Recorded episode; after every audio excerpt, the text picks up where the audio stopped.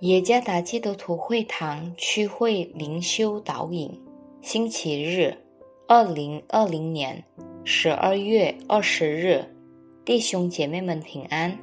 今天的灵修导引，我们借着圣经以赛亚书四十三章一到十二节来思想今天的主题：关怀神所关心的。作者。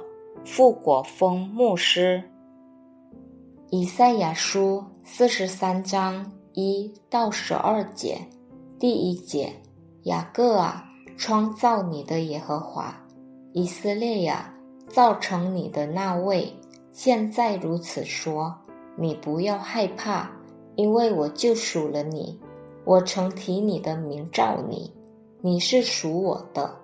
第二节。你从水中经过，我必与你同在；你淌过江河，水必不满过你；你从火中醒过，必不被烧，火焰也不着在你身上。第三节，因为我是耶和华你的神，是以色列的圣者，你的救主。我已经使埃及做你的暑假。使古时和西巴代替你。第四节，因我看你为宝为尊，又因我爱你，所以我使人代替你，使列邦人替换你的生命。第五节，不要害怕，因我与你同在，我必领你的后裔从东方来，又从西方召聚你。第六节。我要对北方说，交出来；对南方说，不要拘留。将我的粽子从远方带来，将我的众女从地极领回。第七节，就是反成为我名下的人，是我为自己的荣耀创造的，是我所做成、所造作的。第八节，你要将有眼而瞎。有儿而聋的民都带出来。第九节，任凭万国聚集，任凭众民汇合，其中谁能将此声明，并将先前的事说给我们听呢？他们可以带出见证来，自显为是，或者他们听见便说这是真的。第十节。耶和华说：“你们是我的见证，我所拣选的仆人。即使这样，便可以知道，且信服我，又明白我就是耶和华。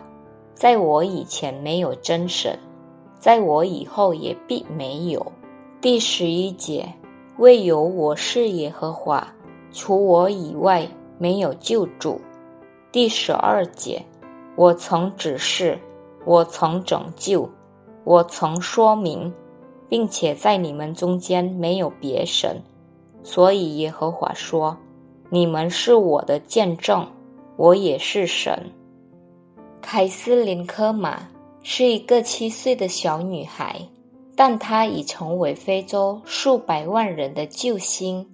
这个小女孩和她的母亲一起努力筹集资金。为非洲预防疟疾提供文章。他除了透过出售二手书与举办慈善活动来筹款之外，他还写信给著名足球运动员大卫·贝克汉姆和比尔·盖茨。那些事最终感动了他们的心，他们就捐了不少的钱。他热爱分发蚊帐行动的影响。使非洲的疟疾死亡率下降，因为恩典，以赛亚一直表明，上帝是愿意拯救与释放他子民的上帝。因总犯罪，他的子民变成了又盲又聋的子民，但上帝还是依然的在乎与不抛弃他们。上帝亲自为他的子民执行拯救行动。以使他们不经历永恒的死亡。以赛亚先知在每一次的讲道中，都表达了上帝这个关怀。圣诞节的信息不仅是关于上帝在乎人类的信息，更是关于他将他的独生子赐给人类来赎回罪人的爱的信息。目的是要叫一切信耶稣的都得救。这是教会的责任，就是要一直宣扬圣诞之爱的信息，以此作为对上帝关心的事的在乎。就是使许多的罪人能够得救。